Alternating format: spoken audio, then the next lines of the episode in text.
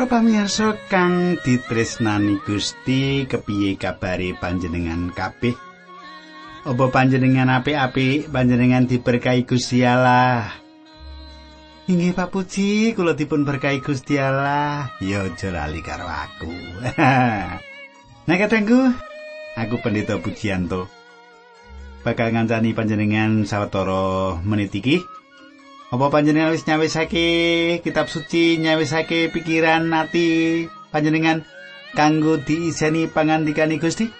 Nah, program margi utami bakal bebarengan karo panjenengan sugeng midhangetake ati cara iki.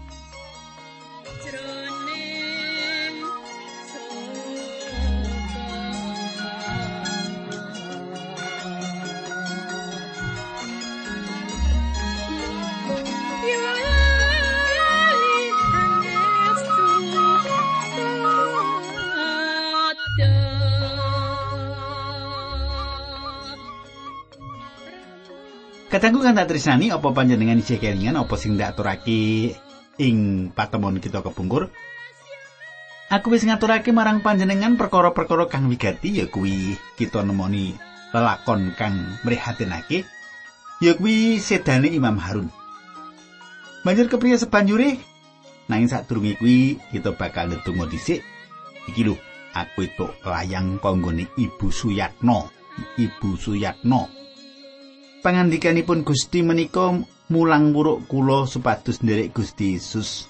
Ingkang dipun lantaraken Bapak Pujianto menika saged nyukani katentreman lan ugi kabejan ing wekdal kula ngadepi pacoban Ibu Suyatno matur nuwun serat panjenengan.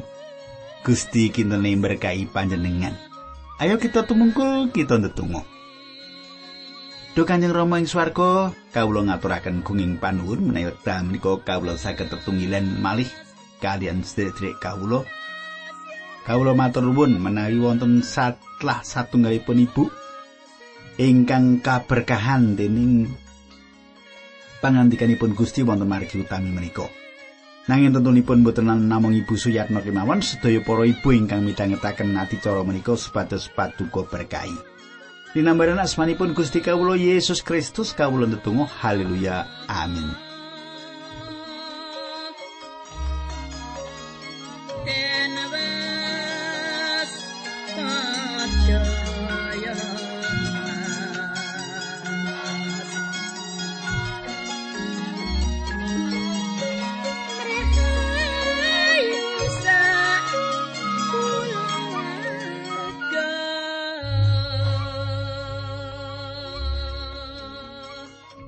Kadangku kang ndak tresnani. Kita wis tekan panyemak kita pasinaon kita saiki wis tekan pasal selikur saka kitab bilangan. Pasal selikur saka kitab bilangan. Ing pasal iki nyritakake nalika bangsa Israel menang perang sing sepisanan. Coba panjenengan semak tak wacake kitab bilangan selikur ayat siji nganti telu ing basa petinan. Arat mono sawijining kutha ing tanah kenaan sisih kidul bareng rajane kutha mau krungu. Yen bangsa Israel arep teka liwat dalan Atarim, bangsa Israel banjur diserang lan wong-wonge sawetara ditawan. Wong Israel banjur ngaturake janji marang Allah unjuke. Menawi pangeran marangaken kula saged ngawonaken tiang-tiang menika, kita-kita setiangipun sedaya badhe kula saosaken dhateng paduka tanpa syarat. Sarta tiang-tiangipun badhe kula tumpes sedaya. Gusti Allah miyarsakake panyuwane wong Israel mau lan biyantu nelokake wong kenaan. Wong kenaan lan kutha-kutane ditumpes kabeh, panggonan kono banjur dijenengake Horma. Ayat papat, wong Israel banjur lunga saka Gunung Hor menyang Teluk Akaba maksude ngalang ngubengi tanah Edom nanging sajrone mlaku entek sabari. Wilangan ayat 5 banjur padha muni-muni nyalahake Gusti Allah lan Musa tembungi. Kenging menapa kula dipun beto medal saking tanah Mesir kapurih pecah ing seganten wedi menika? Ing mriki mboten wonten tedha toya kangge ngombe inggih mboten wonten kula sami bosen nedha tetedan ingkang remeh menika. Kadangku kang ndak tresnani. Iki kamenangan sing sepisanan dialami bangsa Israel sawise dredah karo wong Amalek ing ngoro Samun nalika ninggalake Mesir dek semono. Allah sing maringi kamenangan mau saiki bangsa Israel kudu ngliwati Gunung Hor, mlipir segara abang tebrau jalaran ora bisa nrabas metu Edom, mula banjur ngubengi tlatah mau. Dalane pancen angel, mula banjur semangate Israel dadi kenduk. Ing kanan sing kaya ngono mau banjur Israel padha nguwuh-nguwuh marang Allah sing busanane malah grundeli Gusti Allah. Kahanan sing kaya ngene iki uga asring kita tindakake. Grundel, grundel lan grundel apa maneh nalika ngadepi urip sing angel. Ya ta? Panjenengan seneng grundelan ora? Grundel, grundel. Kristalane piye? Eh, disembah ngoyo-oyo kok ngini. ya. Tak terus ke ayat 6 lan 7. Gusti Allah nuli nekakake ulo mandi ing satengahe wong Israel nganti akeh sing padha mati dicokot ulo mau. Wong Israel nuli padha ngadep marang Musa lan matur, "Kula sampun sami damel dosa nglepataken Gusti Allah lan panjenengan. Samenika kula aturi nyuwun dhateng pangeran supados sawar-sawar menika kasingkirna saking tengah kula." Musa banjur ndedonga kanggo bangsa Israel. Kadangku, iki pangrundele Israel sing kaping 8 ing ngarsane Allah. Pangrundel sing pungkasan. Pangrundel ing ngarsane Allah, pangrundel sing pungkasan. Kumpulane wong-wong saka keturunan campuran iki sing miwiti nampik ora gelemangan roti mana nalika semono. Mongko iki ana ing pangumbaran kudune bisa nampa sakai berkah sing ana. Roti mana iku panganan sing ngedapi-dapi ing kitab suci Allah ndawuhake. Yen sikile Israel ora bakal ana sing abuh. Sikile sing abuh kena penyakit beri-beri iku jalaran ora cukup vitamin ana ing jerone apa sing dipangan. Mula yen sikile Israel padha rabuh iku tegese vitamin sing diperlokake kanggo urip sehat nyukupi. Dadi tegese roti mana iku nyukupi kabeh kabutuhane urip sehat kanggo Israel. Panjenengan lan aku kita kabeh yen to gelem bloko. Kita iki gampang grundel ya to? Apa maneh grundeli rejeki peparingane Allah? Rasa kurang nrimo iki kurang ngono kurang diwene iki kurang dit satu sewu kurang rong atau sewu kurang sepuluh juta kurang satu juta kurang ya. Nganti rada suwe lungguh ing melu kebaktan wae uga grundel Ah, batal suwene rata maca piye iki? Mar masak bareng dari malah. Ah, bisnis ora ancur gara-gara ibadah suwene raja baca mak. Nanging yen nonton bal-balan apa tontonan liyane ning TV, senadan kursine atos lan wektune nganti jam-jaman ora rumangsa bosen utawa ngrundel. Yen apa-apa kagem malah anane mung rasa tuwa wae. Iku apa pantes?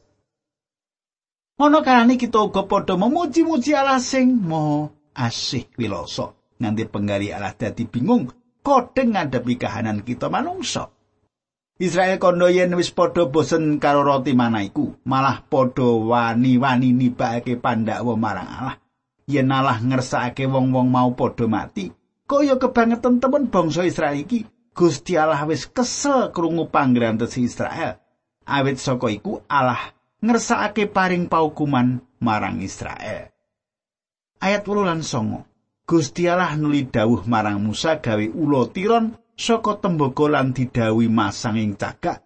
Saben wong sing dicokot ula dikon mandeng ulo tembaga mau supaya mari. Musa banjur gawe ulo tiron saka tembaga dipasangi cagak saben wong sing dicokot ula lan mandeng ula tembaga mau banjur dadi waras. Kadangku ana piwulang sing banget maidai kanggo Israel lan kita. Wong-wong mau kudu mandeng kanthi iman marang ula tembaga sing dipasang ing cagak. Pancen yen ora duweni iman ora bakal ana Israel sing mandeng ula tembaga ing cagak iku. Malah bisa uga ana sing ngucap, "Ah, mokal, ora klebu nalar." Ana sing kepengin luwih klebu nalar logis ora mung trimo deleng ulur tembaga sing dirancang ing dhuwure cakak nanging elinga apa dawi Allah sing ora mandeng ula tembaga iku bakal mati jalanan wisane ula sing nyokot. Gusti Yesus ngendika marang Nikodemus nalika iku ing wayah bengi mengkene. Coba panjenengan semak Yohanan 3 ayat 14 nganti 16. Yohanan 3 ayat 14 nganti 16. Nalika ana ing ora samun Nabi Musa manjer ula tembaga ana ing kayu, iya kaya mengkono putrane manungsa bakal dipanjer ana ing kayu. supaya saben wong sing pracaya marang panjenengane ngalami urip sing sejati awit saka gedhening sih katresnane Gusti Allah marang jagat nganti panjenengane ngorbanake putrane ontang-anting supaya saben wong sing pracaya marang sang putra mau ora nemu karusakan nanging ngalamono urip langgeng. Katangku kepriye nalari? Gusti Yesus dipanjer ana ing pamantangan kanggo nebus dosa kita. Bener bener. Gusti Yesus ora mung ganti Barnabas nanging ganti panjenengan lan aku kok Allah keparang prastawa iki lakon jalanan Allah banget tresnane marang kita Kitab suci orang ngandhake yen Allah tresnane donya iki. Kanthi mengkono donya kawilujengake. Ora. Allah ora ngendika kaya ngono. Sing dikersake Allah kanggo kita panjenengan lan aku nyawang deleng marang Kristus sing kasalib. Panjenengan ing ganti panjenengan lan aku dihukum jalaran dosa kita. Sing mesti kita sing kudu nglakoni paukuman mau. Gusti Yesus ora pantes kanggo nampi paukuman iku nanging panjenengane lilo nampi iku mau kanthi lilo legawa. Ula temboko sing diyasa iku supaya Israel sing mandeng padha tetep urip sing padha ora gelem mandeng bakal padha mati. Iki perkara sing gampang banget dilakoni yen panjenengan ngakoni dadi manungsa sing duweni dosa. Panjenengan bisa milih siji ngantarane loro mau yen percaya bakal wilujeng yen ora percaya bakal ilang ora bakal wilujeng ana samene sing percaya marang tumindak becik sing wis dilakoni iku sing bakal nyelametake uripe. Saiki ayat 10 nganti telulas. Wong Israel nuli nerusake lakune banjur pasang kemah ing kutha abot saka kono ngalih maneh menyang panggonan salore kali Arnon ya kuwi pasamunan sing ambane nganti tekan tanahe wong Amori kali Arnon kuwi tapel watese tanahe wong Moab karo tanahe wong Amori. Nuli Israel nerusake lakune saiki wilangan selikur ayat 16 saka kono padha ngalih menyang Ber panggonan sing ana sumure ing kono Allah ngendika marang Musa wong Israel padha klumpukno arep ndak paringi banyu kanggo ngombe. Kadangku iki sawijine kitung pamujilan syukur sing wis suwe banget ora keprungu ing antarané bangsa iki sing dilagokke dening Israel. Ayat 17 18 nganti 20. Ana ing kono wong Israel padha menyanyi mengkene, sumur-sumur padha tokno banyu Musa iki arep ndak petuk karo memuji. Sumur sing ndak keduk para putra raja dijeroake dening para panggedhire bangsa nganggo tekeni keprabon ya tekeni para panggedhi kedaton. Saka pesaman kono wong Israel banjur ngalih menyang Matana.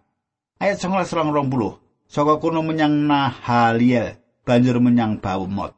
Saka Bamot menyang lebake wong Moab, cedhak karo pucake Gunung Pisga ngedekake segoro wedi. Coba gatekno katangku, bangsa iki wis wiwit memuji Allah meneh. Memuji atas kabeh berkah sing lumuntur banyu sing smadya kanggo Israel. Iki mau kabeh saka peparingi Allah. Ayat selikur, wong Israel kirim utusan marang Sihon Raja Amori dikon matur mengkini. Kadangku bali meneh pengalaman Israel njaluk idi palilah menyang Raja Sihon. rajane wong Amori kanggo ngliwati wilayahe.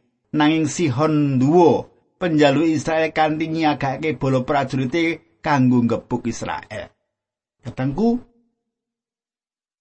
Saiki tak wacake ayat 24 mengkini. Nanging ing peperangan mau keakeh wong Amori sing mati, wilayahe banjur direbut lan dinggoni wong Israel saka kali Arnon tekan kali Yabok sing sisih lor. Ya kuwi tapel watese tanahe wong Amon sing kuat. Kadangku, Israel unggul ing ayuda, Israel menang perang lawan Sihon. Ayat 33. Wilangan selikur ayat 33. Saka kono wong Israel lakune ngener ing kutha Basan, ok kerajane wong Basan metokake karo nggawa tentarane banjur perang ing kutha. Kadangku Allah paring dawuh marang Musa supaya ora wedi marang Ok rajane wong Basan. Sajrone paperangan Israel ngalahake Ok lan anak-anake. Israel kelakon ngabai nguasani Basan. Prajurit Israel kanthi baris padha memuji Allah sing maringi unggul ing ngajurit mesti wae kanggo ngadepi Moab Gusti Allah bakal paring pitulungan meneh lan sawise iku Israel wis siaga kanggo mlebu ing tanah perjanjian. Katanggu ora krasa kita wis mlebu ing wilangan pasal rolikur. Pasal rolikur nganti selawe iki. Pasal sing critakake Biliam sang nabi Biliam iki katulis ing kitab suci kadidene wong sing duweni pribadi aneh. Muga-muga wae andaran iki nyocoki pemanggih panjenengan. Sakbenere ewon wong sing jenenge mlebu ing catetan kitab suci. Roh suci tansah maring keterangan sapa-sapa sing katulis ing kitab suci. ana gambaran sawetara tembung sing ditambahake kanggo nyetakake sapa ta wong iku malah tembung-tembung mau bisa nyetakake karakter utawa sipate wong mau. Kita wis ngerti bab iku. Ing perjanjian anyar ana pitakon-pitakon marang sawijining saudagar sing isih nom sing suwan marang Gusti Yesus. Apa saudagar mau bali ngarsane Gusti Yesus? Nuli ana Yudas. Sapa sing bisa ngerti bab iki mau kabeh? Kita bisa mbedek yen Yudas iki sawijining pribadi sing ketriwal malah kena diarani ilang. Yudas pribadi aneh sing lawase telung tahun dari ake Gusti Yesus Kristus. Ora ana sing bisa ngarani yen Yudas iku mau setya tuhu marang Yesus. Ora ana sing bisa ngarani yen Yudas iku murid gadungan kejaba mung Gusti Yesus pribadi. Nuli Demas murid sing wiwitane setya tuhu marang Yesus sing cedhak karo Rasul Paulus nanging wekasane uga lepas saka pangantine Rasul Paulus. Banjur kepiye kahanane Ananias lan Sapira? Biliam iki duweni kepribadian sing ngandut cangkriman lan wewadi. Pancen ana sawetara penulis sing nganggep yen Biliam iku nabine Allah sing sejati.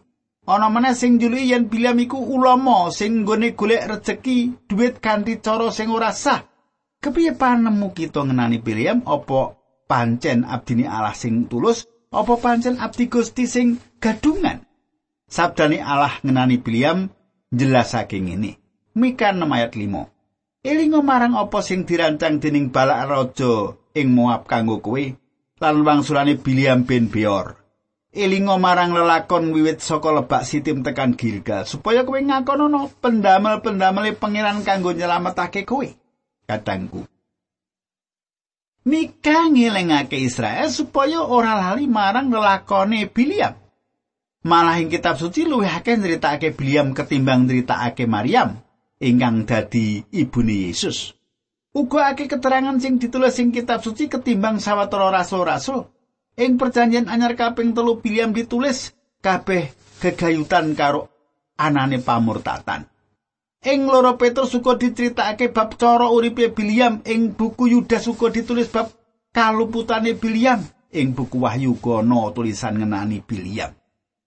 Biliam iku wong median, dheweke wis dikenal ana kukuban kono kanthi becik ucap lan tumindake kaya-kaya nggambarake yen dhewe iku nabi.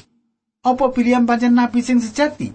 Monggo kita was bebarengan bab Biliam supaya kita bisa ngerti sapa to sanyatane Biliam iku.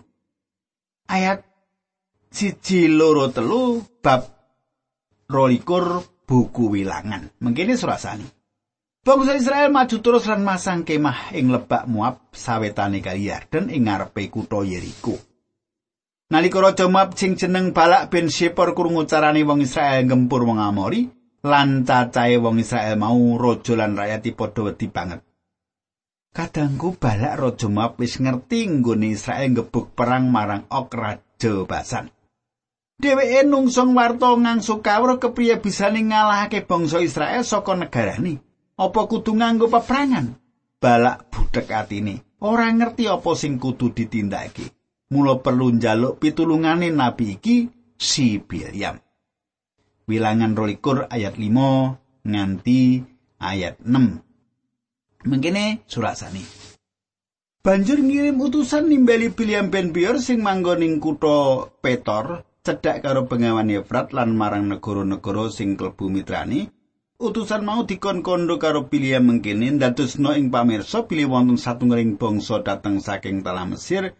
Tiang-tiangipun sumebar wonten ing pundi-pundi bangsa wau saged datengaken bebaya kangge negari kula.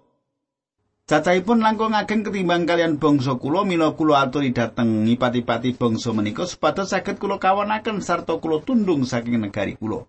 Kula yakin bila sinten ingkang panjenengan berkahi tentu badhe nampi berkah Lan sinten panjenengan ipati-pati tentu badhe nampi paukuman katangku.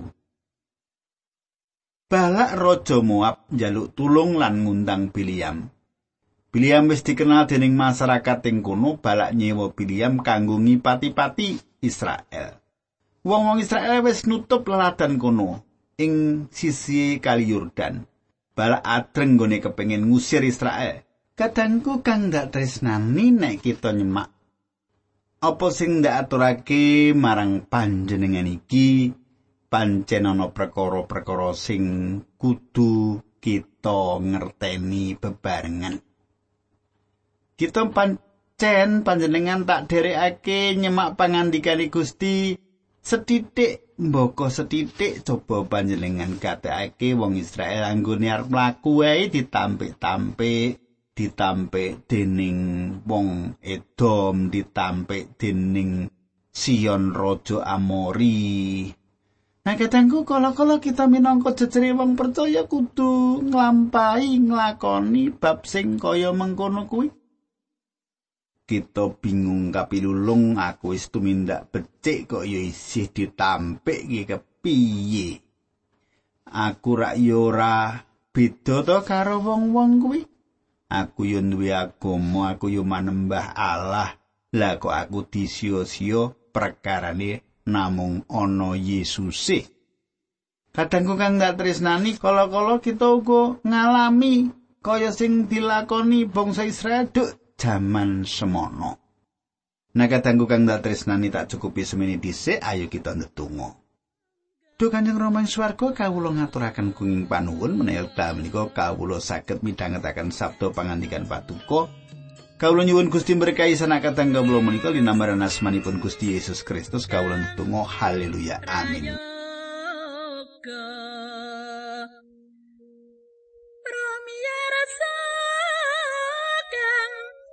Sutra senang ya my good Derek.